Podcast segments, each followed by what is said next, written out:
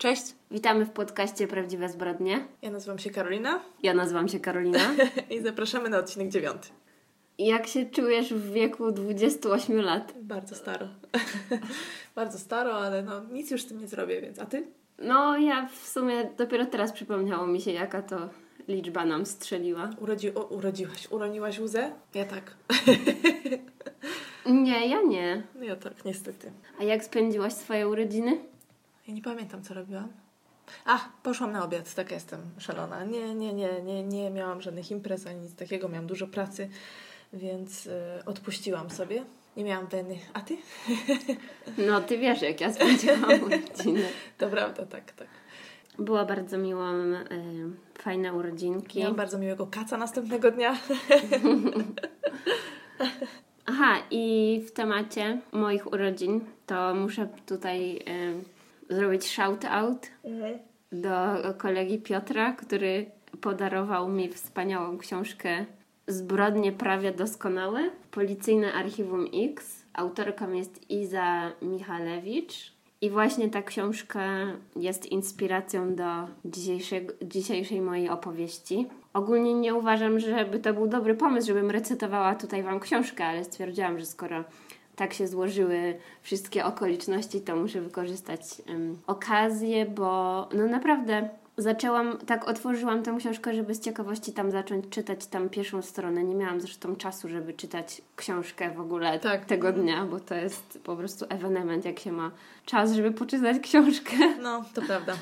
Ale tak się jakoś wkręciłam, że bardzo właśnie wolałam siedzieć i to czytać dalej. To dobry więc- znak, to będziesz musiała mi później pożyczyć. No.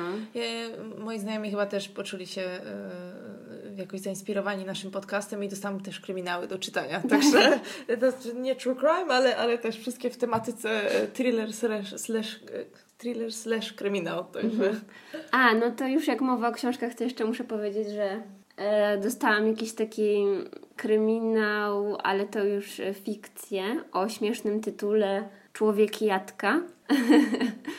Co też wydaje się bardzo ciekawą książeczką, więc mam nadzieję, że niedługo też będę mogła ją przeczytać.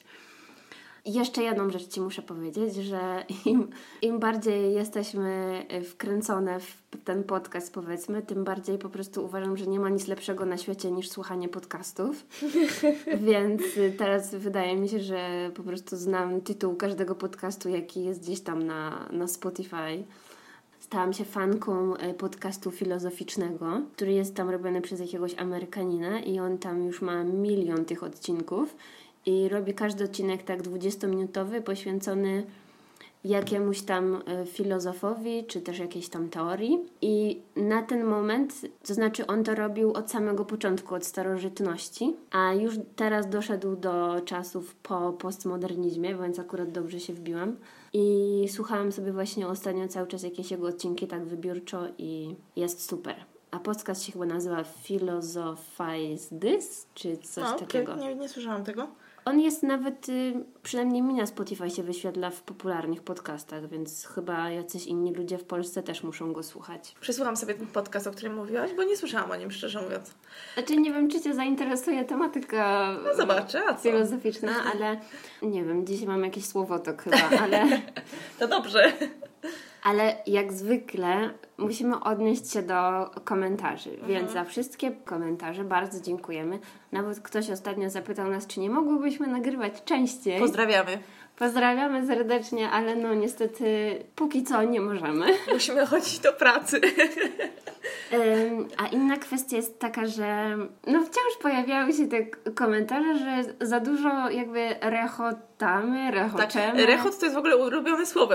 Ulubione słowo założyłam. Tak. Nikt nie mówi śmiać się albo nie wiem, tylko rechotać to jest główne. Może tak bo to- no, nie, mi się wydaje, że to jest po prostu pejoratywne określenie na, na to, jeśli kogoś denerwuje, że ktoś się śmieje, to nie mówi, że się śmieje, tylko rechocze. No takie to. No ale nie, mówi, nie, nie, nie mam tutaj nic złego na myśli. Chciałam tylko podkreślić, że ten podcast nie jest poważny, nie jest mrożący krew w żyłach jakby atmosferą. Jeżeli szukacie takich podcastów, to są inne. Tak. Są inne podcasty, które świetnie sobie z czymś takim radzą. My nie jesteśmy urodzone do tego, żeby straszyć ludzi, modułować swój głos na jakieś hu, hu, hu, hu. Tak.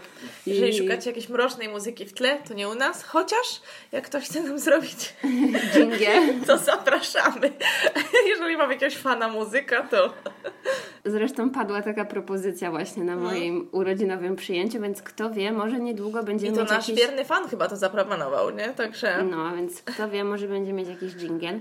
Ale żeby tak nikogo nie rozczarowywać, bo nie chodzi o to, żebyście tutaj słuchali i denerwowali się, że coś jest nie tak. No to będziemy się po prostu czasem śmiać i żartować. No i jeżeli komuś to przeszkadza, no to no, założeniem jest rozmowa, a w rozmowie no to wiadomo, że czasem A i jeszcze mam takie, mam taką tutaj sugestię dla osób, które bardzo nie lubią naszych wstępnych pogawędek. Wiecie, że jest coś takiego jak możliwość przewijania. Ale jedna pani nawet napisała to w komentarzu, tam musi przewijać, przewijać, No. przewijać, żeby uniknąć naszego rechotania. Co oczywiście rozumiemy i zapraszamy do przewijania.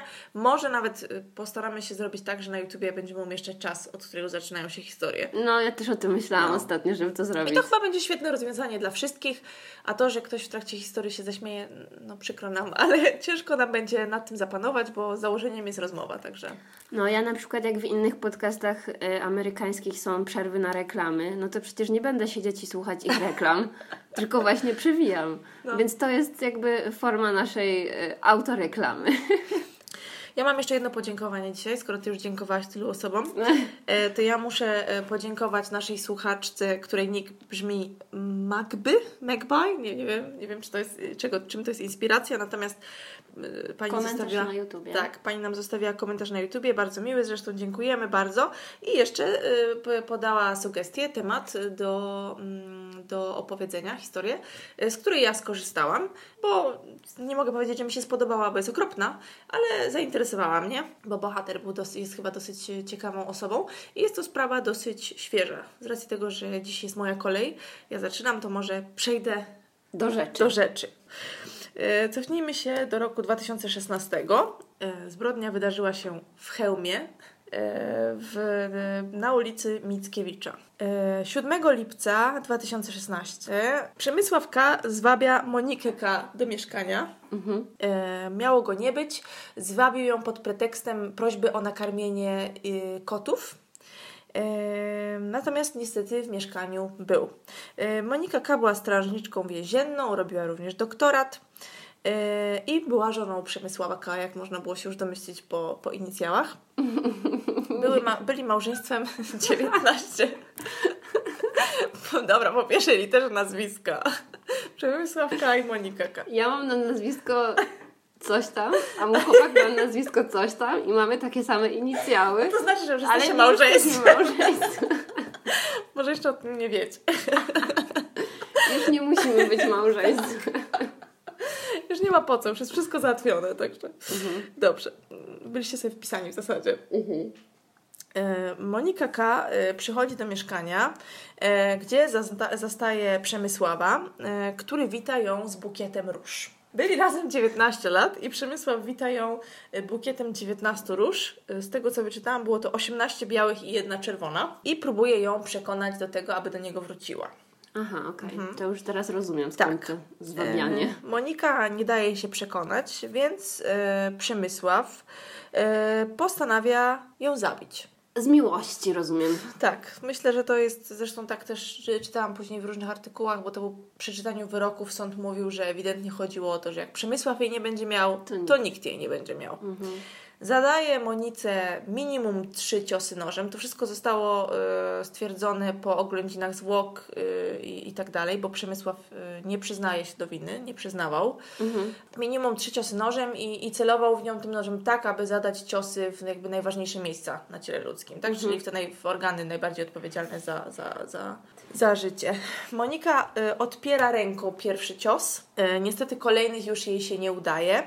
E, i wykrwawia się. Więc co robi Przemysław? Rzuca na nią te kwiaty, kładzie na, na jej zwłoki te kwiaty, które chciał jej podarować i jeszcze w międzyczasie, zamiast zadzwonić po pomoc, nie wiem, cokolwiek, co by wskazywało na to, że jest to zbrodnia w afekcie, czy nie wiem, że napadł go, nie wiem, coś zwariował na chwilę, no cokolwiek, zamiast wezwać pomoc, zaczyna przeglądać jej telefon i widzi, że y, aktualny wtedy partner Moniki wysyła jej SMS-y, ponieważ Monika miała się z nim spotkać okay. po tym, jak te koty nakarmi. Przegląda ten telefon i w końcu e, doszło do tego, że porozmawiał z partnerem Moniki przez telefon.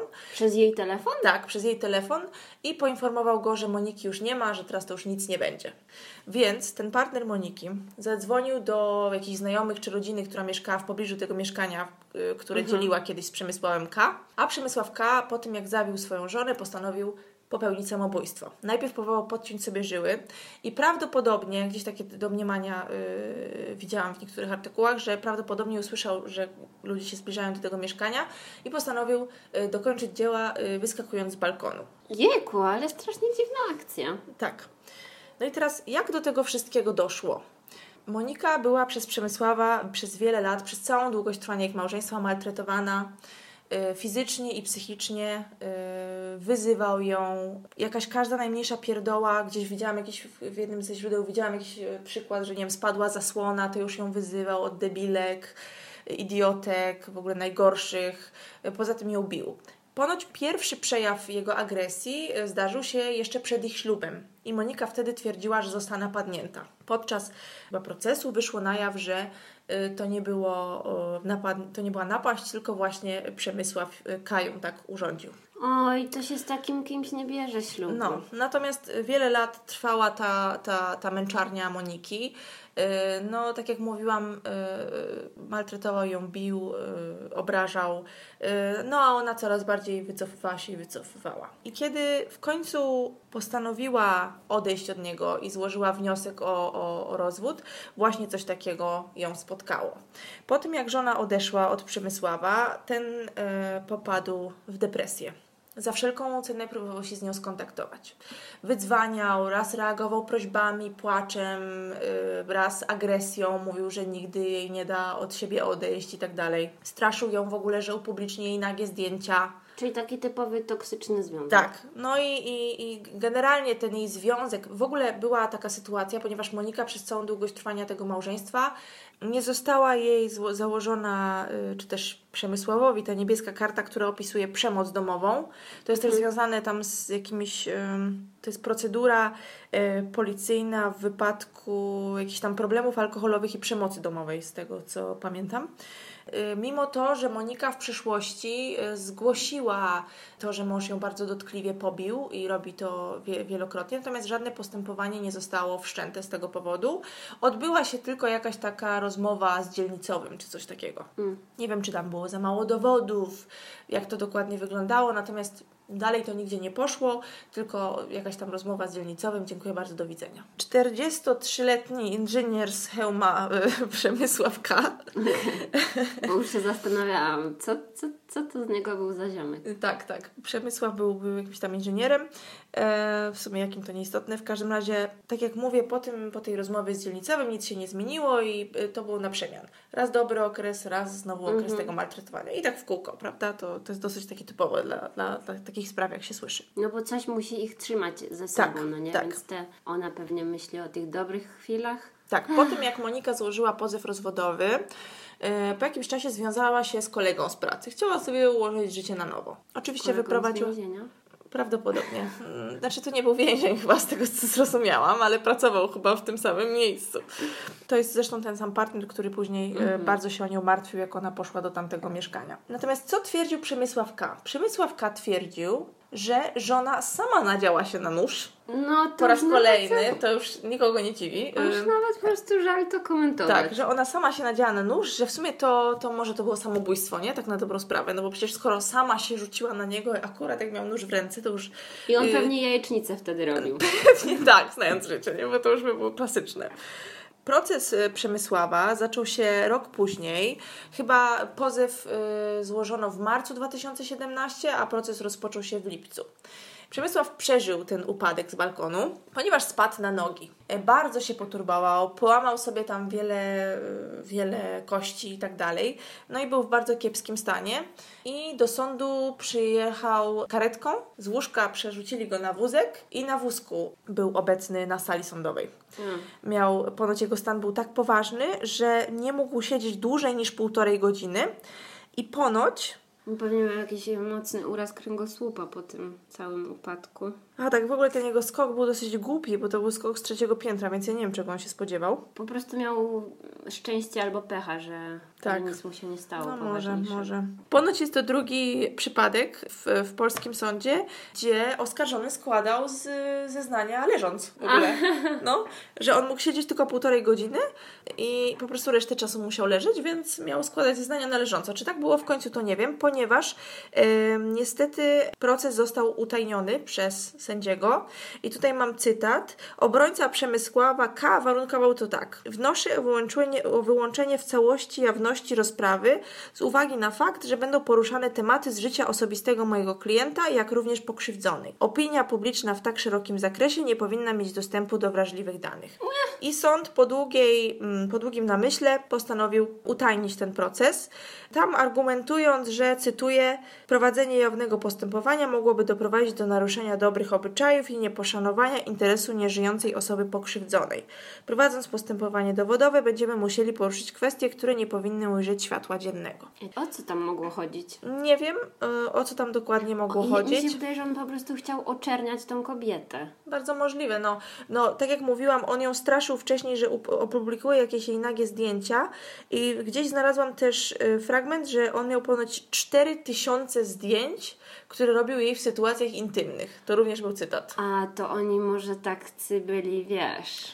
Ja nie wiem, do czego, wiesz, jeżeli on ją Kinki. bił, jeżeli on ją bił, to nie wiadomo, do czego on ją jeszcze zmuszał, nie? No, sugerowane jest przez tego adwokata to, że ona, ta kobieta też była winna. Tak jest sugerowane przez niego, tak? No nie wiem, może to też chodziło o to, że chciał ją oczerniać w związku z tym, że w maju przed zabójstwem, które miało miejsce w lipcu 2016, jak już mówiłam, ten mąż się dowiedział o tym, że ona miała romans, więc może jakoś chcieli do tego nawiązywać, że nie wiem, że to ona była ta zła, bo ona się puszczała, czy coś tam, nie? No ciężko mi jest powiedzieć. No, nie jestem pewna, że to musiało chodzić o to, że oni będą wywlekać właśnie jej jakąś rozwiązłość. Mm, No, bardzo możliwe. No w każdym razie ohydne w ogóle No. jakaś tragedia. Co ciekawe, wszędzie o tym panu, poza tym o Przemysl- Przemysławie, poza tym, że zabił swoją żonę nożem i był nienormalny, yy, chociaż nie, nie, przepraszam, biegli stwierdzili, że był poczytalny, że w chwili popełnienia czynu miał jakąś tam lekkie, lekką, minimalną niepoczytalność, ale ogólnie, że jest zdrowy psychicznie nie ma żadnych upośledzeń i że w zasadzie on się trochę do tej zbrodni przygotował.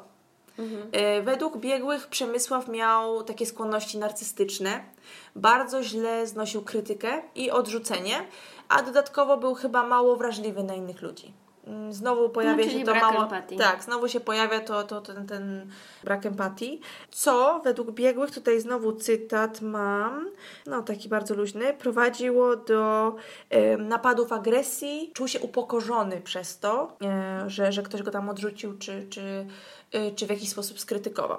E, nie wiem, jak ta żona mogła mu się narazić, skoro to on ją gnoił cały czas ponoć. No, że była nieposłuszna. No tragedia po prostu. Przemysław K. został e, oczywiście uznany za winnego. Został skazany na 25 lat, co było wyrokiem nieprawomocnym. E, sędzia argumentował to tak, bo nie wiem, czy, czy e, tam kara chyba się zaczyna od 15, ale sędzia powiedział, że 15 to jest za mało dla kogoś takiego. No a ponoć Przemysław świetnie sobie radził. Jak był w odosobnieniu gdzieś tam w areszcie, to ponoć mu było świetnie. Jeszcze z aresztu e, zarządzał sobie swoim majątkiem, nie wiem dokładnie co tam robił, ale jeszcze wiesz, jeszcze pieniędzmi zarządzał i, i ogólnie to policzył sobie to tak, że jak wyjdzie za 25 lat, to jeszcze sobie życie ułoży. A ile on... 43. 43. No, to tam. nie wiem, taki, optymista. taki gdzieś cytat znalazłam, nie? że on sobie tam gdzieś yy, tak, tak stwierdził, że 25 lat to jeszcze nie tak źle. I sąd ogólnie zwrócił uwagę na jak, brak skruchy absolutny, że w ogóle nie było po nim widać yy, żadnego, żadnych wyrzutów sumienia. Natomiast yy, w 2018, chyba jakoś na wiosnę, adwokat Przemysława składał apelację, a przynajmniej na, w 2018 o tym pisali.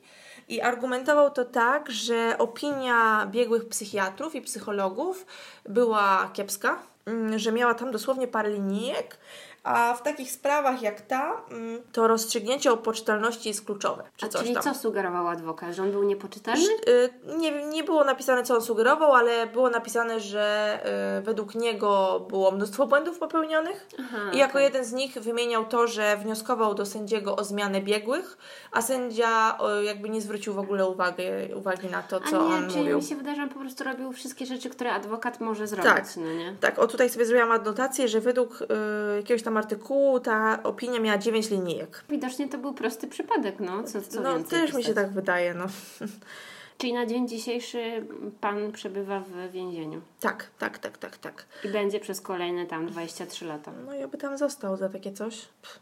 No, także taka to sprawa. Na początku jak czytałam o tej sprawie, w sensie jak zobaczyłam jakieś tam pierwsze par linijek, to myślałam, że to będzie coś o tym, że może pan ma jakiś wiesz, zespół Otella, tak się to chyba nazywa, że masz tą jakoś tam napady zazdrości po alkoholu i nie tylko, że Mhm. jest chyba coś takiego, nie? Że urajasz sobie, że twój partner ma kochanków i, i w ogóle biega, Mhm. puszcza się, jak tylko się odwrócisz i tak dalej. Myślałam, że to może coś w ten Mhm. deseń będzie, ale kto wie, skoro była to sprawa utajniona, no ciekawe, to jest ma, dosyć mało było pod tym względem informacji, ale zastanawiała mnie ta osoba tego Przemysława, że to jak dla mnie to taka osoba, co nie okazuje skruchy i przez tyle lat jest w stanie tak znęcać się nad kimś, to, to raczej ma zadatki na takiego... em, No psychopatę. tak, dokładnie. Tak, o co ci dokładnie. chodziło? Dziękuję. Em. Puknęłam się w głowę, nie było tego widać. Słuchaj. Zabrakło mi tego, zabrakło mi słowa. Wydaje mi się, że kluczem jakby do rozwikłania całej tej sprawy, dlaczego kto coś tam zrobił, byłoby właśnie poznanie ich jakby relacji, no nie? A nie możemy jej poznać.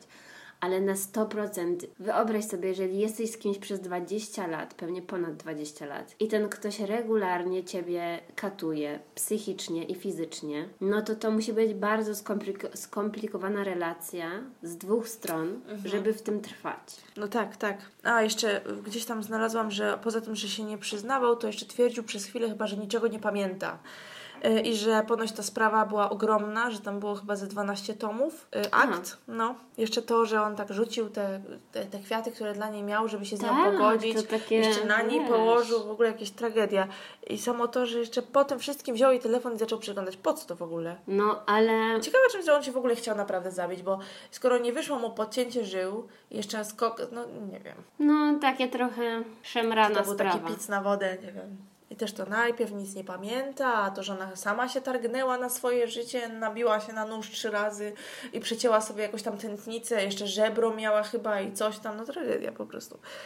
Za debil. Ewidentnie nie jest to dobry człowiek i wszystko po kolei na to mm, wskazywało. No nie wiem, no są sprawy takich zbrodni na bliskiej osobie i są sprawy na kompletnie przypadkowych osobach, no nie? I to jest zupełnie inaczej jakby można o nich mówić. No swoją żonę? No bo chciał odejść. Zwłaszcza, że no, trochę szans pewnie miał przez te 20 lat. Nie, to nie było tak, że odeszła tak nagle, niczego się nie spodziewałem. To nie tragedia. No dobra, skoro właściwie nie ma jak spuentować tej sprawy, bo nie jesteśmy w stanie tego zrobić, to po No. prostu może przejdę... Może jeszcze coś wyjdzie na ten temat. A co ty nam dzisiaj opowiesz? Ja powiem, że wszystkie prawa autorskie do po prostu słów, które ja skleciłam, należą do pani Izy Michalewicz. Żeby nie było, wszystkim, którzy są zainteresowani, polecam książkę Zbrodnie prawie doskonałe. Poza tym jest też program Archiwum X Śledztwa po latach. I ten odcinek, hmm, czy on ma jakąś nazwę? Nie, nie ma żadnej nazwy. Po prostu to jest chyba odcinek numer tam jeden czy, czy coś tam. Aha, i przyznam, że po przeczytaniu właśnie y, części tej książki, w której ta sprawa została opisana, jak chciałam znaleźć więcej informacji, gdzieś tam artykułów w jakichś różnych gazetach, to one były tak kiepskie w porównaniu z tym, co ta pani Iza napisała, bo ona miała jakby informacje z pierwszej ręki, bo ona się kontaktowała z tymi e, śledczymi z Archiwum X, a gazety widocznie dostawały takie jakieś e, szczątkowe wiadomości, że stworzyli sobie z tego po prostu taką bajkę, że no nie polecam tego Właśnie czytać. obawiam się zawsze, że tak jest ze wszystkimi sprawami, wiesz, że to co znajdziesz w internecie to jest taki wierzcho, wierzchołek, Góry. wierzchołek góry lodowej, tak? Y, I że to jest w zasadzie tylko takie tak Trochę dotknięcie tylko tej sprawy. Tak, a poza tym w ogóle jest też taka opcja, że policja czy tam śledczy, oni specjalnie dają mediom takie informacje, Mhm. żeby coś zdziałać. Więc tak naprawdę U, mhm. No, akurat to też w tym gdzieś tam wyszło, że, że oni po prostu zmanipulowali informacje, które wypuścili po to, żeby osiągnąć jakiś tam, wiesz, swój cel. O, to bardzo interesujące. No, więc tak naprawdę czasami mogą te sprawy być tak przerysowane po to właśnie, żeby właściwie pomóc, no nie, w kontynuacji tego śledztwa. No ale to tam dygresja za długa, jak zwykle. Ta sprawa w internecie może być znaleziona jako po prostu morderstwo Danuty F albo zbrodnia w Rudni Krupowej albo jakiś tam hakowy. Hakowy? Mhm. Okej. A to jest nazwa miejscowości, że co to jest? Nie, nie, nie. Hakowy to miała być nazwa zbrodniarza. Uuu, okej. No. No, ale mm, to tak mm, w ramach e, takiej bibliografii wstępnej. Się podoba to. Dobra, więc mamy. Sprawa zaczyna się tak, że Danuta F.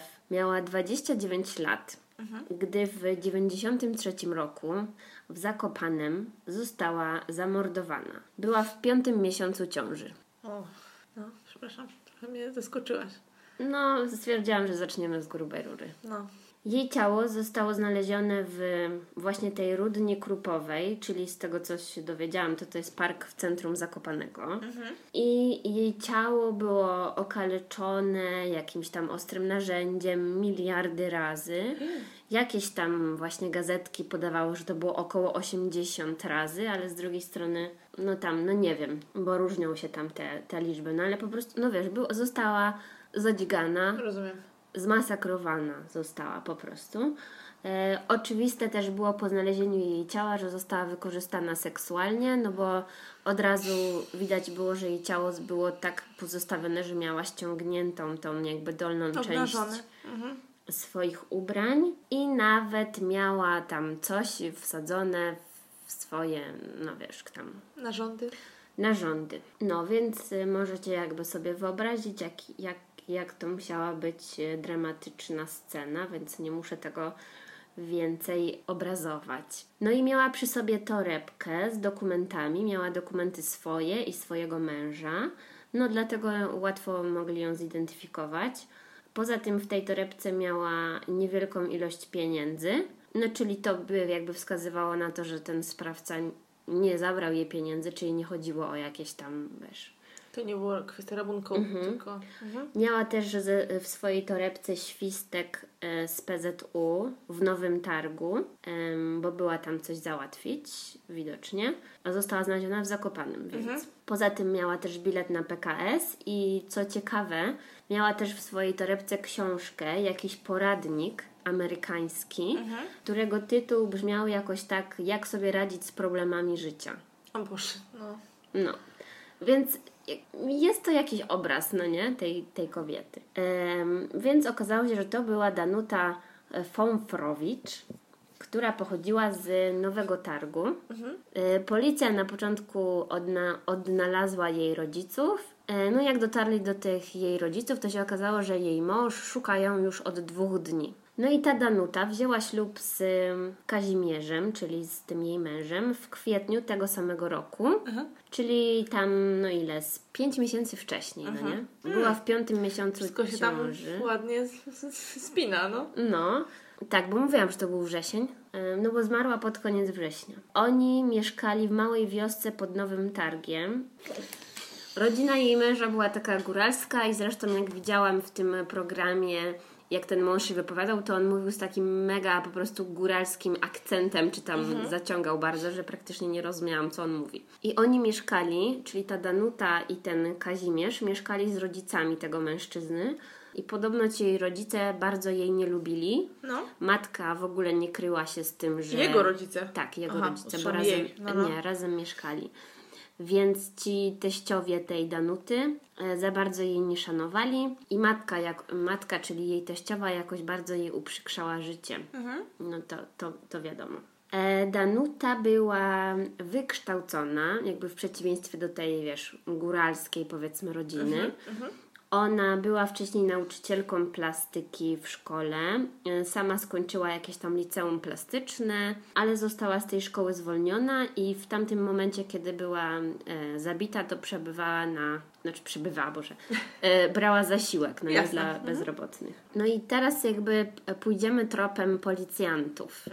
Czyli musimy zastanowić się, co się stało z tą Danutą, jak się znalazła w tym zakopanym, jak wyglądały te ostatnie dni, skoro mąż jej szukał przez parę dni i tak dalej. Więc ona 28 września mówi swojemu mężowi, że jedzie do nowego targu, do przychodni na badania i on mówi, że pamięta, że ona brała ze sobą jakiś tam słoik z moczem, no nie?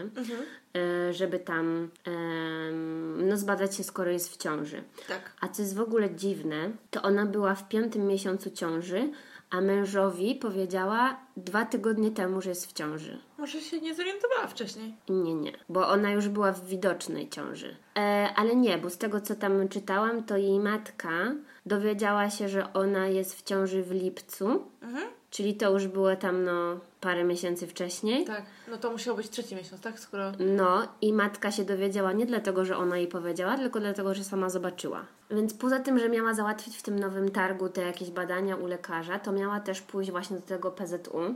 Dlatego miała ze sobą dowód swojego męża, bo miała tam pójść i wpłacić pieniądze, e, bo ten mąż spowodował jakiś tam wypadek i po prostu należało jakąś tam sumę pieniędzy wpłacić i ona to miała zrobić za niego. Miała wrócić do tej ich wioski tego samego dnia.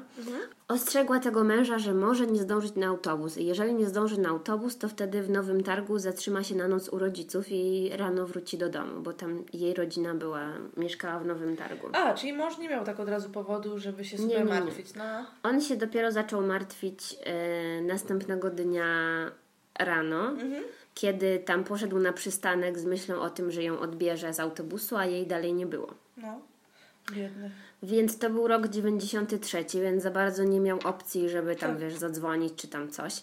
Więc e, pojechał do tego nowego targu i sam jej zaczął szukać. Pierwsze co zrobił, to poszedł oczywiście do tych jej rodziców. Okazało się, że ona u rodziców w ogóle nie spędziła nocy. Więc wtedy, no, jeszcze bardziej się zaczął zastanawiać, co się z nią właściwie stało. Czyli Więc... ona w ogóle się z rodzicami nie kontaktowała, jak przyjechała. Nie, nie, nie. Ona się kontaktowała z jakby ze wszystkimi możliwymi osobami tego dnia, kiedy przyjechała rano. Okej. Bo miała załatwić tam swoje sprawunki. I wrócić. Też z matką się widziała, bo ta jej matka gdzieś tam pracowała też w jakimś urzędzie, więc się zobaczyły. Ta matka jej dała jakieś tam w ogóle pieniądze na jedzenie. Mhm. I jakoś koło 10 rano się rozstały i Nara miała wracać. Mhm. No ale nie wróciła. Ale to też ciekawe, skoro ona tak wcześniej miała wszystko na rano poustawiane, ona jeszcze twierdziła, że może nie zdążyć na No. autobus? Tak, tak, tak. No to A. ogólnie no, od początku to trochę śmierdzi. Grubymi nićmi szyte, Mhm. no. No i minął, więc ten mąż pojechał tam, nie znalazł jej, więc co mógł zrobić? Wrócił do domu. Tak. No a też normalna osoba zawiadomiłaby policję. No. Ale podobno matka jego, ta super teściowa, powiedziała, co ty będziesz na policję iść, to jest, jakaś, to jest jakiś tam wstyd, żeby iść na policję, ona się sama znajdzie. O, świetnie. No, więc y, mija kolejna jakby noc. Mhm. No, a w takich sytuacjach właściwie godziny są istotne. No, Tak. a- I jej dalej nie ma. Więc ciało zostało znalezione właśnie już tego kolejnego dnia, czyli, Czyli 30 na drugi września. dzień po jej... Dobra. Tak. Czyli 30 września z rana zostało znalezione to ciało. Więc policja, tak jak mówiłam, no szybko zidentyfikowała, kto to jest przez te dokumenty. No i zaczęła przesłuchiwanie całej rodziny i wszystkich możliwych świadków w okolicy. E, Więc od, od matki tej e, Danuty dowiedzieli się, że jej e, zasiłek miał się kończyć 1 października i że generalnie z tego powodu była bardzo zaniepokojona, nie wiedziała co będzie, nie miała pieniędzy. E, Poza tym też ta Danuta miała problemy ze zdrowiem, coś tam miała z tarczycą, podobno się leczyła w jakiejś tam, nie wiem, przychodni, czy tam klinice, czy coś. Jeszcze do jej zmartwień dochodziło to, że no oczywiście jest w ciąży, ale też mało kto o tym wiedział. Poza tym podobno jej mąż lubił wypić. No i teściowa ją nie lubiła. I tutaj mi się wydaje pod tym, że nie lubiła, to może się kryć wiele. Bo mieszkali razem i wiesz, mo- mogło być bardzo nieprzyjemnie. A mąż pracował? E, tak, on jakoś tam pracował, ale no nie był jakoś super zamożny, no nie. No tak, jak mieszkali z rodzicami, którzy jej nie lubili, to domyślam się, że nie z wyboru. No. Aha. No i to jakby tak rysuje taki niezbyt optymistyczny obrazek jej życia, więc tu już można sobie pomyśleć, że może ona faktycznie chciała gdzieś uciec. Dalej okazuje się z tej jej jakby torebki i tych rzeczy, że 29 września kupiła sobie bilet na PKS do Zakopanego właśnie. No bo ona docelowo miała być w tym nowym targu Tak. I z niego wrócić. Ale z nowego targu zamiast wrócić pojechała do Zakopanego. I nie wiadomo po co, tak naprawdę. Do tej pory? Tak, do tej pory nie wiadomo po co. O Boże, no. No, no bo to jest sprawa archiwum Mix. Tak, tak, tak. Żadnych konkretów. Bez spoilerów na razie, bo jeszcze Przepraszam, ja już jesteśmy, chciała wiedzieć. jesteśmy dopiero na samym początku. No więc wychodzi z tego, że ona musiała mieć swoje tajemnice. Z tego przesłuchiwania świadków wszyscy tylko mogli o niej powiedzieć tyle, że była bardzo skryta.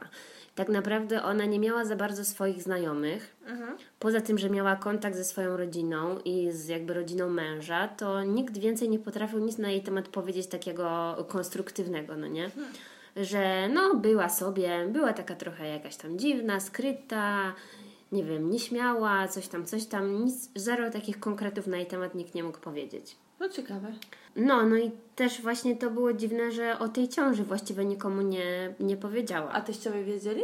A w sumie to nie wiem, ale nie no, oni się pewnie dowiedzieli wtedy, kiedy mąż, no Aha. nie? Czyli tak jakby dwa tygodnie przed tą Śmiercią. śmiercią, tak. Więc no wiesz, zazwy... nie wiem czy zazwyczaj, no ale tak przypuszczam, że jeśli kobieta chce być w ciąży, Mhm. dowiaduje się, że jest w ciąży, to się wszystkim tym, wszystkim tym chwali, no nie? Oczywiście, tak. A ona jakby chciała to zataić tak długo, jak się dało.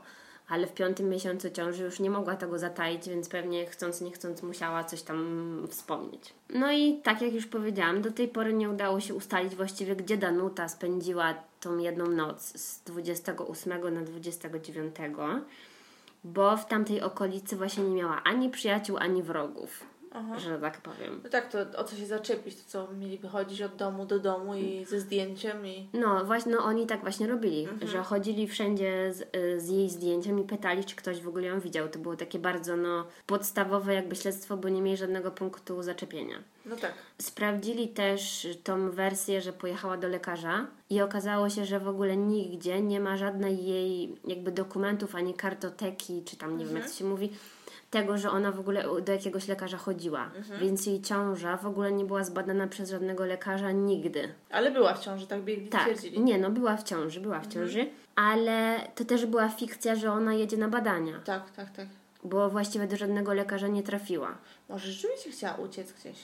Albo to było dziecko z kimś innym. No, takie też są poszlaki, ale nie No wiadomo. Skoro mężowi się tak późno przyznała, mama tak wcześniej zauważyła, No i tak jakby musiało dojść do zapłodnienia jakby przed ich ślubem, no nie? no tak, albo naprawdę to było niesamowite szczęście, nie? że akurat Tej nocy. tak, tej nocy wyjątkowej, no. Poza tym, że sprawdzili wszystkie przychodnie w okolicy, to też jakby sprawdzili, jak mówiłam, wszystkie osoby możliwe. W końcu udało się tym policjantom ustalić coś na temat baru Green. Bar Green. Bar Green Zakopane 93 rok, więc możesz sobie wyobrazić, jak ten bar wyglądał. No, muszę, nie. Chciałabym tam być, no. Okazało się, że Danuta była w tym barze i została bardzo dokładnie zapamiętana przez ym, obsługę. Głównie dlatego, że zachowywała się strasznie dziwnie, jakby była wystraszona, y, niespokojna, a do tego głodna. no Nie? Poza tym w barze tego dnia było dwóch mężczyzn, Piotr S. i Kazimierz S. Oni zostali też przesłuchani przez y, policję i potwierdzili, że jakaś kobieta weszła do baru. Jeden z nich ją widział i był w stanie ją opisać, i to się zgadzało z tą Danutą, ale oni nie zwrócili na nią większej uwagi, bo stwierdzili, że ona weszła, rozejrzała się i wyszła. No i ci mężczyźni na nią nie zwrócili niby uwagi, bo oni byli już pijani, bo coś tam świętowali i mogło im się coś pomieszać. Pani Danuta była też widziana w innym barze, który nazywa się Hajduczek. I tam inna kelnerka też potwierdziła, że widziała ją, rozpoznała ją ze zdjęcia i w ogóle. Podobno poprosiła Danuta jakiegoś mężczyznę, żeby kupił jej jedzenie. Ten mężczyzna nie kupił jej tego jedzenia, więc Czyli ona ona... nie miała pieniędzy?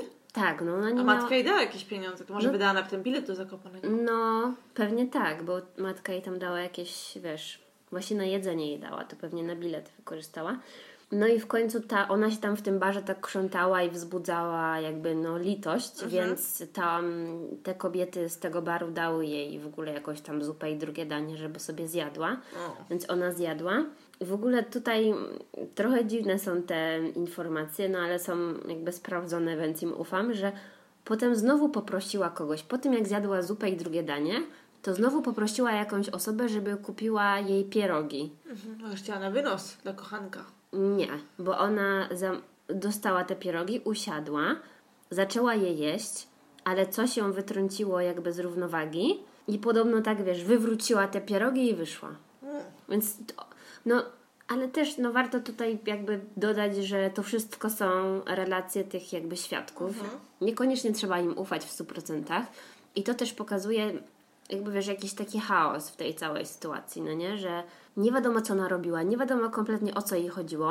No była głodna, dostała to jedzenie, nie zjadła, wyrzuciła, wybiegła wystraszona i coś tam. To wszystko bardzo dziwnie brzmi. Sytuacja w rodzinie jej była taka, że oczywiście matka i ojciec, wiesz, opłakiwali jej śmierć. Natomiast jej mąż łaził gdzieś tam po wiosce i wykrzykiwał pijany, czemu ona do tego zakopanego pojechała, wiesz, z kim ona się chciała spotkać, coś Tak. tam. I tak jakby było widać, że on już się robi wkurzony i że coś podejrzewa. A w ogóle No jeszcze, pewnie też był smutny, nie? Gdzieś tam rozgoryczony. no, no tak, tak. Czy jak E, to się mówi, zrozpaczony, przepraszam. Ale w ogóle hit całej tej sytuacji jest taki, że teściowie tej Danuty, Urządzili imprezę, tak?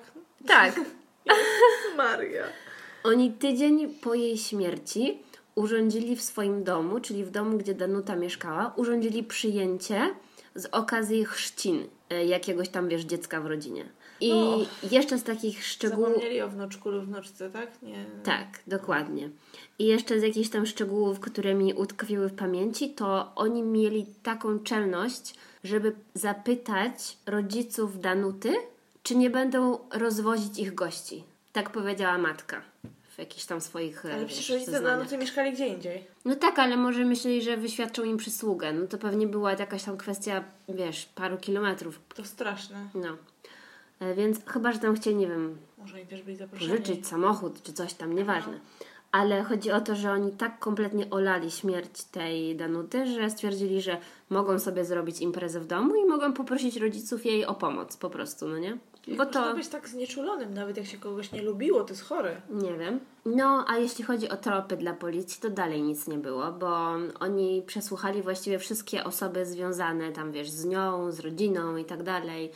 Yy, I nic ciekawego się nie dowiedzieli. Policjanci rozmówili się z jakimiś tam osobami, które ją znały z przeszłości, też doszli do jakiegoś jej byłego chłopaka, który też był w wielkim szoku, bo tam oczywiście były jakieś, jak to zwykle bywa, no sugestie, że może ona komuś przeszło przez myśl, że może ona oferowała jakieś tam usługi, no nie? Ale oczywiście, Oczywiście. ale oczywiście bardzo szybko to zostało rozwiane, no bo nie było żadnych na to dowodów. To pewnie życzliwa teściowa podpowiedziała takie... No pewnie tak. No. Ale po prostu nic by, musiała być na tyle skryta, że nikt nie miał żadnego pomysłu, co właściwie by się mogło z nią wydarzyć, kto by mógł ją zabić, z kim miała się spotkać i w ogóle no nic kompletnie. Jeszcze oczywiście wszyscy mówili, że no, była taką dobrą, uczynną osobą. Zawsze trochę dobry tam... powiedziała tak. Nie, nie, no, ona akurat nie. Ale chodzi mi o to, że po prostu wszyscy mieli o niej bardzo dobre zdanie, no nie? I tyle. W końcu policji udało się trafić na jakiegoś świadka i był to właściciel e, sklepu tam w Zakopanem, który powiedział, że kiedy otwierał swój sklep z samego rana, to widział ją 29 września. Em, Mówił, że no właśnie też dobrze ją zapamiętał, bo wyglądała na bardzo zdenerwowaną i zmęczoną, że miała taką bardzo potyraną twarz, wiesz, po nieprzespanej nocy czy coś tam. Do tego powiedział, że widać, widać było, że jest w zaawansowanej ciąży, więc no wszyscy świadkowie na jej temat to mówili. E, Czyli no, nie mogła tej ciąży jakby ukrywać. Ten mężczyzna, właściciel sklepu, powiedział też, że tego samego dnia o godzinie 23 przez swoje okno, które miał otwarte, jak kładł się spać, bo było ciepło, usłyszał krzyk kobiety. Mhm. Jakiś taki bardzo, wiesz, intensywny, jakby wskazujący na jakiś tam dramat, no nie? Coś złe, że coś się Więc złego... poszedł spać. Tak, dokładnie. No, świetnie. Bo on coś tam potem się tłumaczył, że była jakaś wycieczka w okolicy i że oni zagłuszyli tam resztę dźwięków i on stwierdził, że nic więcej nie usłyszał niepokojącego, więc właściwie pewnie o nic nie chodziło i poszedł spać. W sumie jakbyś we Wrocławiu reagowała na każdy krzyk, który słyszysz na ulicy, to dzwoniłabyś na policję co 15 minut. No, wiem. Ale z drugiej strony na takim zadupiu, jak usłyszysz, że ktoś się drze w nocy, no to No. może nie jest to. No, domyślam się, że jemu chodziło o to, że nie słyszał krzyku takiego nieprzerywanego, wiesz, przez 10 minut. Że po prostu usłyszał raz i stwierdził, a ktoś tam sobie krzyknął. I chciał się usprawiedliwić i poszedł No spać. na pewno. Wiesz, pewnie też miał wyrzuty sumienia, jak się potem okazało, że to coś takiego. Każdy bagatelizuje gdzieś w głowie takie rzeczy. No i właśnie on też mówił tamtym y, policjantom, że do tej pory ten krzyk słyszy.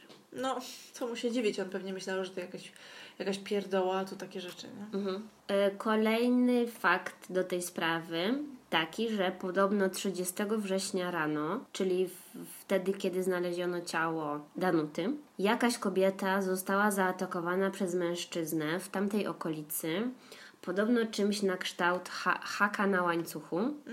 I że, mm, bo to wyglądało tak, że jakby koleś sobie szedł z łańcuchem Tak. i wymachiwał nim jak lassem i na końcu tego łańcucha miał jakiś tam hak ostry. No, bardzo bezpiecznie, no. I właśnie, że tak em, polował na kobiety, no nie? Taki, taki, poszedł, em, taki poszedł mit po okolicy. Że polewał hakiem na łańcuchu. No rozumiem. Tak. No i właśnie wtedy już y, wszyscy się w okolicy zaczęli dowiadywać o tym, że grasuje jakieś przestępcze, że, że kobieta została zamordowana, inna zaatakowana. Inne się tam bały wychodzić z domu i wiesz, pojawiały się jakieś takie nagle zgłoszenia, że inną zaatakował i coś tam. I więc to się stało taką społeczną paranoją. Ale do niczego to wciąż nie doprowadziło. Policjantom, tamtym policjantom nie udało się właściwie żadnych konkretnych dowodów ani nic konkretnego znaleźć. I sprawa została zawieszona po chyba tam jakimś pół roku czy coś takiego. No. Mm, Takiego kręcenia się w kółko. Mamy 11 lat później, rok 2004, no i akta sprawy trafiają do archiwum X. Jeden bardzo uparty pan z policji, czy też z- grupy archiwum X, który nazywa się Bogdan Michalec, on analizował akta właściwie wszystkich spraw, które były niewyjaśnione tam z jakiegoś tam właśnie rejonu. No i dotarł do tej sprawy morderstwa Danuty, no i mm, powiedział do tego swojego naczelnika tam, że no może byśmy jednak tą sprawę mm, odkopali, no nie? Oni stwierdzili, że skoro nie mają żadnych nowych dowodów, właściwie nic się nie zmieniło, to teraz mogą zrobić taką rzecz, że zmanipulują e, media. Bo oni po prostu zrobili tak, że zgłosili się do tam, właściwie nie wiem jak to tam wiesz, wyszło dosłownie, rozumiem. No. Ale po prostu pojawił się program, ten bez przedawnienia, o którym chyba też ostatnio Tak. mówiłam, z Polsatu i program potem 997 i właściwie chodziło chyba o ten program bardziej bez przedawnienia, że oni tam mieli zrobić reportaż na temat tej sprawy. To jest to z Polsat CI. No i co? No i jakby nic nie ma w tym dziwnego, żeby oni wyemitowali takie reportaże na temat niewyjaśnionej sprawy. Tyle, że policjanci poprosili jakby tych dziennikarzy o to, żeby powiedzieli, że w związku z rozwojem nauki pojawiły się jakieś tam nowe metody badań i oni są coraz bliżej schwytania mordercy. Że pojawiły się nowe dowody i coś tam, no nie? Jakaś tam tak pewnie... coś, tak? Jakaś tam pewnie pierdoła, no nie? Właściwie to nie oglądałam tego odcinka konkretnie, widziałam tylko fragment z 997 i oni tam ogólnie też nawoływali do tego, żeby zgłosili się świadkowie i tak dalej, jeśli Jasne. ktoś ma nowe informacje, coś tam, coś tam. I to zadziałało. Program ten właśnie wyemitowano 10 września 2004 roku, a w październiku na policję w Krakowie e, przychodzi kobieta, Marta S., która jest przerażona i ona mówi o swoim mężu, Piotrze S., który od jakiegoś czasu dziwnie się zachowuje. Mówi, że obsesyjnie słucha Radia Maryja, a nigdy nie był zbytnio wierzący, a są małżeństwem od e, trzech lat, w związku chyba są trochę dłużej. I ten jej mąż nagle wtedy stwierdził, że musi zacząć nawracać ludzi. Coś mu po prostu W głowie odwaliło. odwaliło. I mówi, że ten jej mąż, Piotr, lubił oglądać wszystkie programy kryminalne w telewizji. Ogólnie on, im się też niedawno urodziło dziecko. E, No takie młode małżeństwo, wiesz, no normalna Mhm. rodzinka. Ale po prostu ym, zachowanie jej męża ją zaczęło bardzo niepokoić. Dlatego przyszła tam na policję. No i ona zaczęła tego męża wypytywać właściwie o co chodzi, dlaczego on tak świruje, i żeby jej Tak. powiedział. No i ten mąż w końcu się złamał, bo był tak po prostu zdruzgotany, rozwalony psychicznie, że w końcu wszystko jej powiedział. Powiedział, że oglądał ten program e, bez przedawnienia i że on wtedy mieszkał w Zakopanym i że on wtedy, wtedy kiedy to się wydarzyło, on się obudził na ławce obok tej kobiety i on nie za dużo pamięta z tego, co się stało, ale chyba on coś jej zrobił i chyba jest winny. I y, dos- dostał jakby takiej paranoi, że w ogóle wszędzie jest policja, że jest podsłuch, że oni wszystko wiedzą na jego temat i że zaraz go przyjdą aresztować. I że muszą zrobić porządek ze swoim tam no, skromnym domowym majątkiem, musi wszystko przepisać na nią, żeby miała i żeby dziecko, Dziecko, miało. tak. I że nie wiadomo, co się teraz z nim stanie. Taka była sytuacja, kiedy ona przyszła na policję. I ona, i, ale ona za uzgodnieniem z nim poszła na tą policję, czy... E, nie, ona poszła na tą policję, bo zaczęła tego męża namawiać, żeby no coś zrobił, no nie? Porozmawiał z kimś, nie wiem, zgłosił się na policję czy cokolwiek, a on powiedział, że nikomu o tym nie może powiedzieć i że ona jest jedyną osobą, która wie, bo się jej wygadał. I tak jakby zasugerował coś w stylu uciszenia jej. Ale Żony? tak, no ale to ale to nie było jakoś tak bardzo dosłownie powiedziane zamilcz po prostu na wieki albo coś ci zrobię, tylko ona się po prostu wystraszyła, bo już też wiesz, zaczęła też sobie o tym wszystkim myśleć. Dlatego poszła na policję. Temu mężowi jej, temu Piotrowi, zaczęły się jakieś tam różne dziwne fakty przypominać. E, Potem stwierdził, że on z jakimiś tam kolegami zrobił tej kobiecie żart, że ta kobieta spała na ławce, a oni przenieśli ją na trawę, żeby się zdziwiła, jak się obudzi.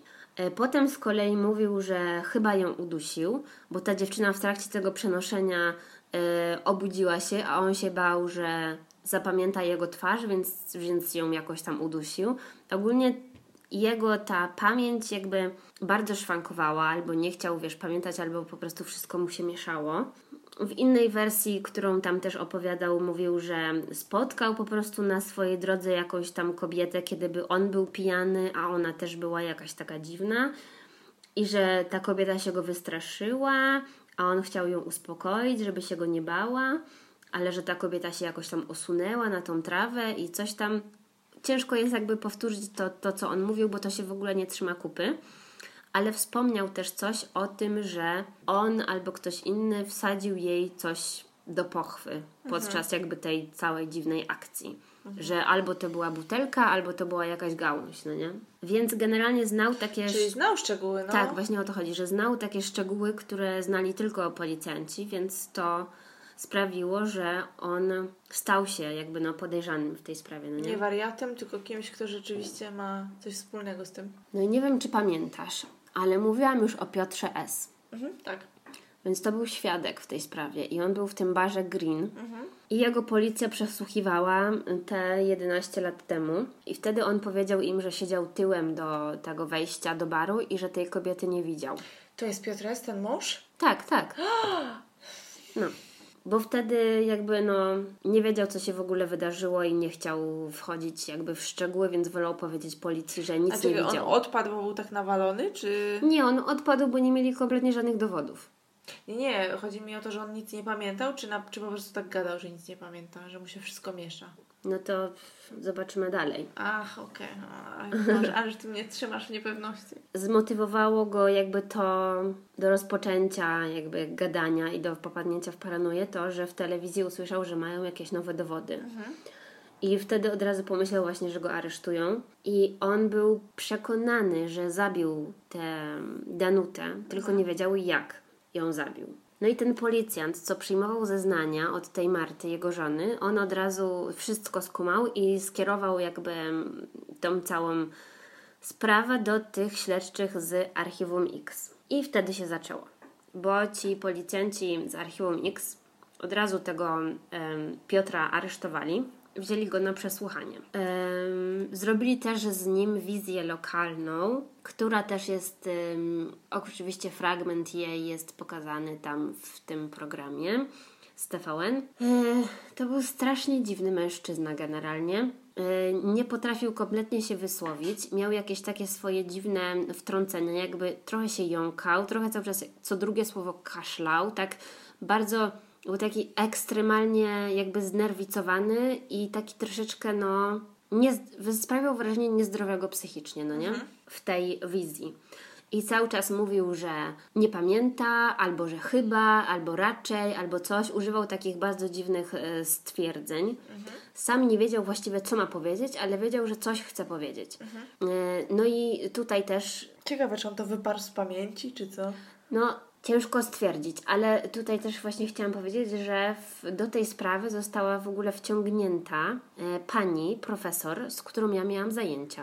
O! No, po, pani e, Antas, z, która jest językoznawcą. Mhm. E, I ona jest w ogóle tam w tym reportażu e, TVN-u, jako tam, wiesz, ekspert się wypowiada, oni puszczają jej nagranie tego typa. Miałaś z nią językoznawstwo na, na polonistyce, czy na ja, polonistyce, czy co, co? Nie, ja miałam z nią zajęcia na temat gier językowych. Okay. Ale ogólnie ona się tak stricte zajmowała kłamstwem mhm. i tym jakby jak można rozszyfrować tam, że ktoś kłamie. No i ona się zajmowała tym, jak ktoś układa swoje słowa i jak z tego można wydedukować, co mhm. ma tak naprawdę na myśli. I też tam trochę z gestów, no nie? Pasjonujące, no? No, bardzo, to była bardzo taka ekscentryczna pani, bo ona w ogóle na wszystkie swoje zajęcia i wszędzie na uczelni chodziła ze swoim psem. Ale super! No. I cały czas była z papierosem. O, jeszcze lepiej, no. No. O e, Boże, to u mnie językoznawstwo było strasznie nudne. To... No, ale właśnie ja nie miałam językoznawstwa, tylko właśnie Aha, te gry. Mówiłaś, tak, no sorry. E, coś tam, nie pamiętam jak się zajęcia nazywały, gry i coś tam. Mhm. E, widać, bardzo uważałam. Nieistotne. Pamiętasz, że pamiętasz super. Najważniejsze jest, że pamiętasz super panią profesor. No, ale po prostu dzisiaj, jak oglądałam to i patrzę sobie, co ona tutaj w tym programie, sobie wow. Bo ja wiedziałam, że ona jest taka mega lewicowa, bo jeszcze gdzieś tam natrafiałam na jakieś artykuły z nią związane no. z jakimiś tam różnymi, wiesz... A ty jeszcze widzisz gwiazda TVN-u. No, a ty jeszcze gwiazda, więc poczułam tak, wow, znam taką, wiesz, osobę. Super. A ja siedzę z Tobą przy jednym stole, no.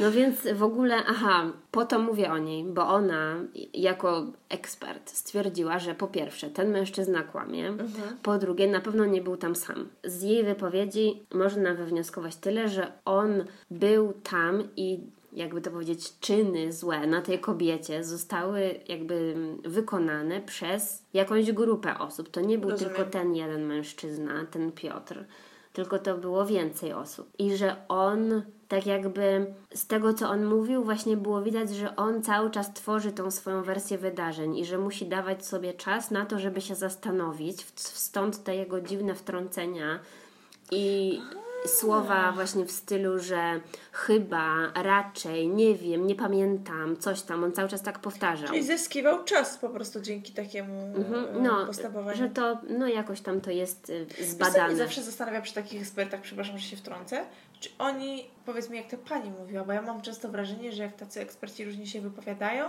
czy, czy znawcy jakiejś dziedziny, to mówią bardzo ostrożnie, że nie mówią na pewno ten pan, nie, czy tam ona, nie, nie, nie, właśnie czy to jest może ona jest moje taka... wrażenie, że może tak nie jest, a ja Nie, to ja chyba zależy od osoby, ale okay. ona właśnie, ona jest taka bardzo, no ekscentryczną Wiesz, postacią. Duża szansa, prawdopodobnie. I ona, no. pierwsze pytanie, jakie zadał jej ten redaktor, to było, czy on był sam. A ona, nie, na pewno nie był sam. Wiesz, Świetna, świetna, nie mogę no. się doczekać, aż to obejrzę, no.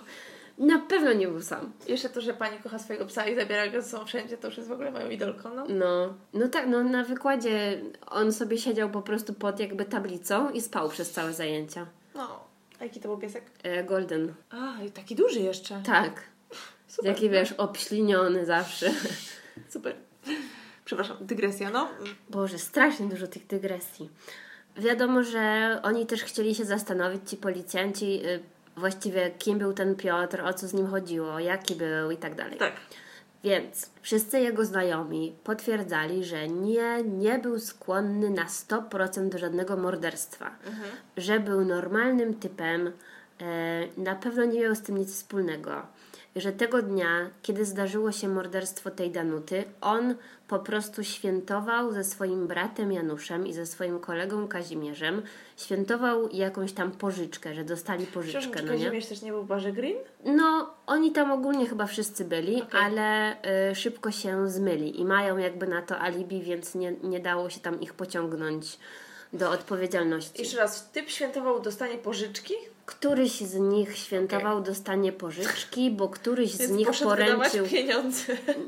bo któryś tam z nich poręczył komuś i coś tam nie rozumiem, rozumiem. to jest Skomplikowana sprawa, nie, no. nieistotne. Em, no i oni bardzo dużo wypili, a w szczególności ten Piotr, bo ten Piotr podobno lubił sobie wypić.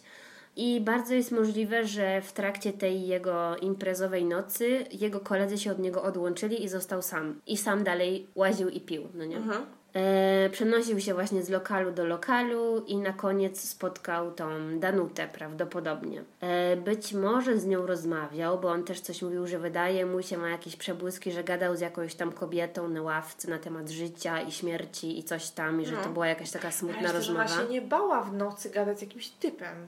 No wiesz, to już kompletnie nie wiadomo, co się z nim No. działo, no nie? Potem też mówił, że jacyś tam kolesie się napatoczyli, którzy też byli pijani i on tych kolesi poprosił, żeby razem z nim przenieśli ciało tej kobiety, nie wiadomo czy żywe, czy martwe, na trawę, albo żeby zrobić psikus jej, albo żeby coś tam ukryć, no nie? Tu już są wszystko jakieś takie mm, poszlaki totalne i że on sobie kojarzył, że ktoś wsadził jej butelkę albo gałąź do pochwy, ale właściwie nie pamięta kto i nie wyklucza, że to mógł być on sam. I to powiedział już policji? Tak, to wszystko mówił Okej. policji.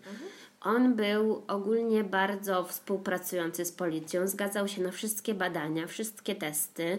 Tak jakby sam chciał dowiedzieć się, co się wydarzyło, bo taki jakby szczerze nie pamiętał, co się wydarzyło, no nie? Ale czuł się winny. No i jakby meritum tych jego zeznań jest takie, że on twierdzi, że po prostu film mu się urwał, kompletnie nie kojarzy, ma jakieś przebłyski. Potem jeszcze dodał, że podobno wyrzucił gdzieś swoje dokumenty, wrócił do domu w strasznym stanie, jakiś taki cały potargany, podrapany, bez dokumentów, śmierdzący alkoholem i swojej zaniepokojonej żonie, nie zaraz, stop, stop nie żonie, e, bo wtedy, bo wtedy nie byli małżeństwem w ogóle. E, No komuś tam w domu powiedział, że ktoś mu coś dosypał do drinka, bo nic nie pamięta. No i po tym wszystkim, co ta policja usłyszała, no to oskarżają go o morderstwo Danuty w 2004 roku, no bo tak naprawdę nie mają innego wyboru, no nie? Tak. No i teraz trochę więcej może na temat tego Piotra, bo bardzo dużo rozmawiali z nim ym, psychiatrzy i psycholodzy i, i też jakby śledczym się powoli zaczynał zwierzać. I to, co tam wyszło na jego temat, było takie dosyć niepokojące, bo, e, bo wyszło na to, że faktycznie, mimo że jego znajomi mieli na niego temat dobre zdanie, to na przykład wyszło, że lubił sobie wypić, a kiedy lubił sobie wypić, to mu totalnie odwalało. Stawał się agresywny i że na przykład właśnie mało z tego pamiętał, e, że mówił o jakichś obcych, że zaatakują, że coś tam. No tak strasznie gadał od rzeczy, no nie? Kompletnie nie, nie miało to żadnego sensu, jakby miał jakąś dziwną paranoję. Jego żona była jego pierwszą kobietą, z którą miał jakiś tam kontakt seksualny.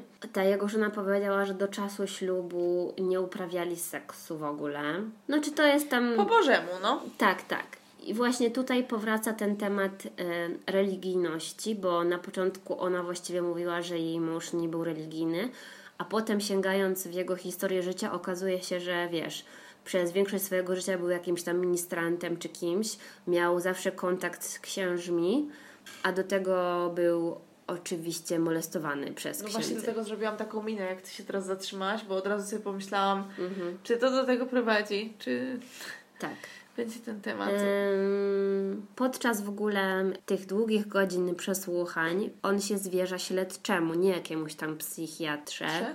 że jak był mały i właśnie tam, wiesz, często chodził do kościoła i był tym ministrantem czy kimś, to ksiądz, wiesz, podszedł do niego. W ogóle to chyba było z tego, co, kurczę, już teraz nie pamiętam, ale Chyba to było na jakimś takim, nie wiem, spotkaniu takim bardziej grupowym, nie że jeden na jeden, ale tak jakoś tak w grupie, czy oni oglądali film, czy coś takiego. I ksiądz w tym czasie, kiedy wszyscy tam siedzieli, wsadził mu rękę w majtki i zaczął, wiesz. I on powiedział, że nie wiedział w ogóle o co chodzi, no bo zazwyczaj jakby małe dzieci w takiej sytuacji w ogóle nie, nie, no nie wiedzą o co chodzi, Tak. tylko czują straszny dyskomfort. Tak. Więc on mówił, że to go jakoś bardzo bolało i że potem czuł tylko, no wstyd też oczywiście. No i że nikomu o tym nigdy nie powiedział. Dopiero ten śledczy był pierwszą osobą, o któ- y, której on w ogóle cokolwiek na ten temat powiedział. Opowiadał też o kolejnym tragicznym zdarzeniu, kiedy mając niespełna 18 lat, e, kiedy papież Jan Paweł II był w Polsce, to on ze swoim kolegą pojechali do Krakowa, żeby zobaczyć się z, w sensie, żeby zobaczyć papieża. I tam gdzieś w Krakowie spotkał księdza, którego musiał jakoś tam kojarzyć z mm, przeszłości. I ten ksiądz zaproponował jemu i jego koledze, żeby przenocowali u niego. O mój Boże, no. Wydawałoby się O to mój dosyć... Boże, było bardzo No. pasujące, no. Wydawałoby się to dosyć niewinne, bo po prostu może ksiądz chciał ich, im po prostu pomóc. Ale nie. Oni mieli jakby pościelone tam swoje e, posłanie, tak, że ten e, Piotr z kolegą mieli spać na jednym łóżku, bo pewnie nie było więcej miejsca w No tym tak, mieszkaniu, okej. Ale w środku nocy ten ksiądz do ich dwójki zaczął się dobierać. O, I to tak, wiesz, no rozumiem, bez ogródek, no. bez, bez ogródek dokładnie, więc ten y, Piotr jakoś tam go odepchnął, po czym ten ksiądz podobno dokonał aktu seksualnego z jego kolegą na tym łóżku, kiedy tamten, no wiesz, był po drugiej stronie. Czyli I zgwałcił tamtego jego kolegę? tak, i on wspominał to jakby w tych całych swoich przesłuchaniach, wspominał to jako coś po prostu okropnego, że ten kolega na następny dzień, wiesz, obudzili się i ten Piotr zapytał go, czy tam, wiesz, coś ten ksiądz przyszedł, coś tam, no nie? A ten jego kolega powiedział, że w ogóle nic nie wie, nic się nie wydarzyło, nic nie pamięta, w ogóle nie wiem o co ci chodzi. nie? Tak. Że spałem, nic nie słyszałem, spałem. Więc ogólnie można by było mówić i mówić i mówić, bo jeszcze takich, no ten Piotr miał wiele historii do powiedzenia. I wiele badań mu przeprowadzili, no i jakby sens jest taki, że tak, on miał problemy psychiczne i że tak, źródło tych problemów pewnie było w tym molestowaniu i w tym, że podczas jego rozwoju i dojrzewania coś tam się zachwiało i on w dorosłym życiu miał problemy z jakby z zaspokojeniem swoich potrzeb seksualnych, bo pewnie wiązało się do, to dla niego z jakimś tam wstydem albo poczuciem winy albo czymś tam, no nie? No i z jednej strony ułożył sobie życie z tą swoją żoną, ale wiadomo, że to nie zawsze jest rozwiązanie, no bo zawsze też pozostaje coś tam, więc to może jakby prowadzić do tego, że faktycznie on mógł jakieś kobiety wykorzystywać na tle seksualnym podczas swojego pijaństwa, kiedy urywał mu się film takiej normalnej świadomości i przechodził w jakiś tam inny stan. Ale to dalej nie jest nic pewnego. Em, Wiem, że nie powinnam, ale teraz po tych tekstach, znaczy po tych tekstach, po tym co mówiłaś, jakoś tak mi się go trochę szkoda zrobiło. no, ja Nie wiem. mam mieszane uczucia. No. Wiem, no ja też, dlatego to jest taka bardzo, tak mnie zaaferowała strasznie ta sprawa, bo kompletnie nie wiem, co mam o tym myśleć. No, po prostu jak będziecie chcieli sobie doczytać szczegóły, to polecam książkę, o której mówiłam, a ja teraz powiem końcówkę tak w skrócie, bo wydaje mi się, że to już i tak zajęło dużo czasu.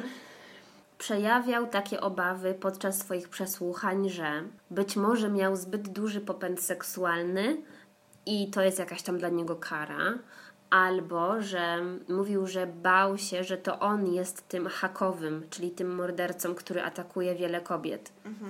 I jak policjanci zapytali go, czy atakował więcej kobiet, czy coś tam, i że ile tych kobiet było, to on mówił, że tak, że wiele i coś tam, ale tak naprawdę. Czyli sam sobie gdzieś y, jakąś historię tworzył. Tak, dokładnie, dokładnie. Chodziło o to, że to nie jest prawda.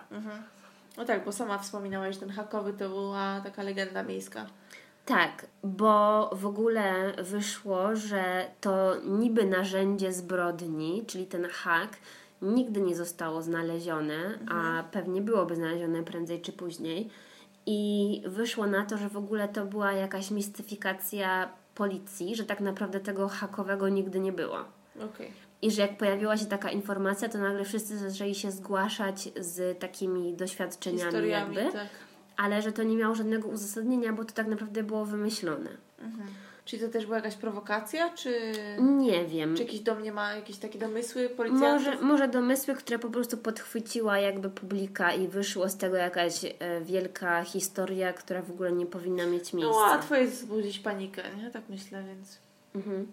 No i zrobili mu badanie tym wariografem i, i wyniki jakby tego badania były bardzo niejasne, znaczy niejednoznaczne, to chciałam powiedzieć. E, I ci, którzy analizowali te wyniki, doszli do wniosku, że w, oczywiście we współpracy z jakimiś tam psychiatrami i innymi mm, specjalistami, oni stwierdzili, że on wszystko prowadzi jakby do tego, że on ma poczucie winy, ale niekoniecznie może być sprawcą. I że on, wiesz, doznał jakiegoś tam coś w stylu jakiegoś pourazowego stresu i tak dalej, że on być może wyparł coś tam z pamięci i przejął winę kogoś innego na siebie. Co wydaje się dosyć e, prawdopodobne. Poza tym psychiatrzy rozpoznali u niego psychozę i zespół paranoidalny i z, właśnie z tego względu, że jego stan psychiczny się bardzo pogarszał właściwie w trakcie tego całego śledztwa, to e, postępowanie jakoś tak, nie wiem jak to tam dokładnie nazwali to, ale tak jakby zostało za. On nie został skazany, mimo że był osobą najbardziej podejrzaną, ale zaniechali to, żeby go skazać, na rzecz tego, żeby umieścić go w zakładzie psychiatrycznym. Więc Czyli biedaczek zwariował. tak, tak, tak. I właściwie to oni, to się, nazywa się to tylko tak w języku jakimś tam prawniczym detencja, czyli bezterminowy pobyt w szpitalu psychiatrycznym. I psychiatrzy stwierdzili, że on w momencie popełnienia tej ewentualnej zbrodni, bo też nie wiadomo do końca, czy ją popełnił, na pewno był niepoczytalny, albo kiedy brał udział w tym zdarzeniu. No i że jego specyfika tego, tej choroby psychicznej wiąże się z tym, że on ma skłonności do utożsamiania się z tym, co się dzieje, co niekoniecznie wychodzi od niego. Dlatego te jego zeznania są tak strasznie dziwne. I już tam po jakimś czasie, kiedy dziennikarze próbowali się jakoś tam skontaktować z tym ośrodkiem psychiatrycznym czy coś, to w ogóle nie było do niego dostępu, że już był tak kompletnie odizolowany od świata, zamknięty w sobie i tak jego jakby stan psychiczny się pogorszył, że nie było z nim żadnego kontaktu. I wyrok jakby sądu jest taki, że on ma pozostać w szpitalu czy tam w ośrodku zamkniętym do czasu, kiedy e, to będzie konieczne. I z obawą taką, że kiedy wyjdzie na wolność, to będzie mógł popełnić jakąś zbrodnię. E, A z drugiej strony ta pani Iza Michalewicz, czyli ta autorka tej książki, do której się odwołuje, ona tam napisała, że właściwie próbowała zlokalizować go chyba w roku e, 2007, e, tfu, 17 albo 16 i że nie udało się jego kompletnie zlokalizować. Albo przez to, że nie dało się uzyskać informacji na jego temat z powodów jakichś tam, wiesz, legalnych. Tak, no. Albo dlatego, że nie wiadomo, gdzie przybywa. Może nie jest już w tym ośrodku. Ona takie tam Rozumiem. cienie Takie z, tak. z wątpliwości zarzuciła tam. Więc strasznie się nagadałam i nie wiem w ogóle, wiesz, jak to się właściwie skończyło, bo nie wiadomo, czy to on właściwie zrobił, bo jest Czyli bardzo jest wiele... nieusatysfakcjonowana. Jest bardzo wiele właśnie głosów na temat tego, że on mógł być tylko świadkiem i przez swoje jakieś tam psychiczne problemy i choroby mógł przejąć winę na siebie i to mógł być, wiesz, taki no, jakiś tam skomplikowany proces w jego głowie, że nie dość, że to wyparł, to jeszcze wziął na siebie i nie pamięta, ale czuje winę. No ale z drugiej strony znał te szczegóły, których nie znała szersza publika, bo też ci policjanci mówili, że do tej pory jakby nie wyjawili pewnych szczegółów dotyczących tej sprawy, bo zawsze tak robią i że on je znał. No. I dalej nie wiadomo, co z Danutą się działo. Ciekawe, czy kiedykolwiek dowiemy się, co się wydarzyło. No, nie. no ta sprawa ruszyła po 11 latach, bo wtedy jakiś tam pan postanowił, że zagłębi się w akta jeszcze raz. No, co teraz W sumie w mamy? takich sprawach to każda pierdoła jest ważna, nie? A też gdzieś tam wyczytałam właśnie, że, że według jakichś tam statystyk, takich wiesz, super wyszkolonych śledczych, oni zakładają, że sprawca zbrodni znajduje się w pierwszym jakby nie wiem czy w pierwszym tomie, czy w pierwszym rozdziale, tak jakby Mhm. akt. Czyli na prawie na samym początku wychodzi jego imię czy nazwisko. Tak, i może nic do tego nie prowadzi na początku, no ale oni wrócili do tego samego mężczyzny po 11 latach, no nie? I sprawdziło się, że on był jednym tam ze świadków przepytywanych.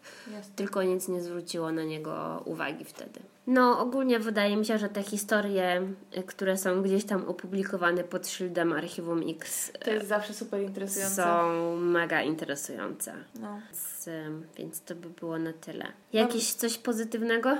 E, No ja mam prośbę, myślę, zgodziłyśmy się co do tej kwestii, mamy prośbę w takim razie, żebyście wysyłali nam swoje sugestie i co dwa tygodnie, tak jak dziś, ja poruszyłam sprawę, którą wspomniała e, nasza słuchaczka, więc myślę, że co dwa tygodnie jedna z nas może taką sprawę poruszyć.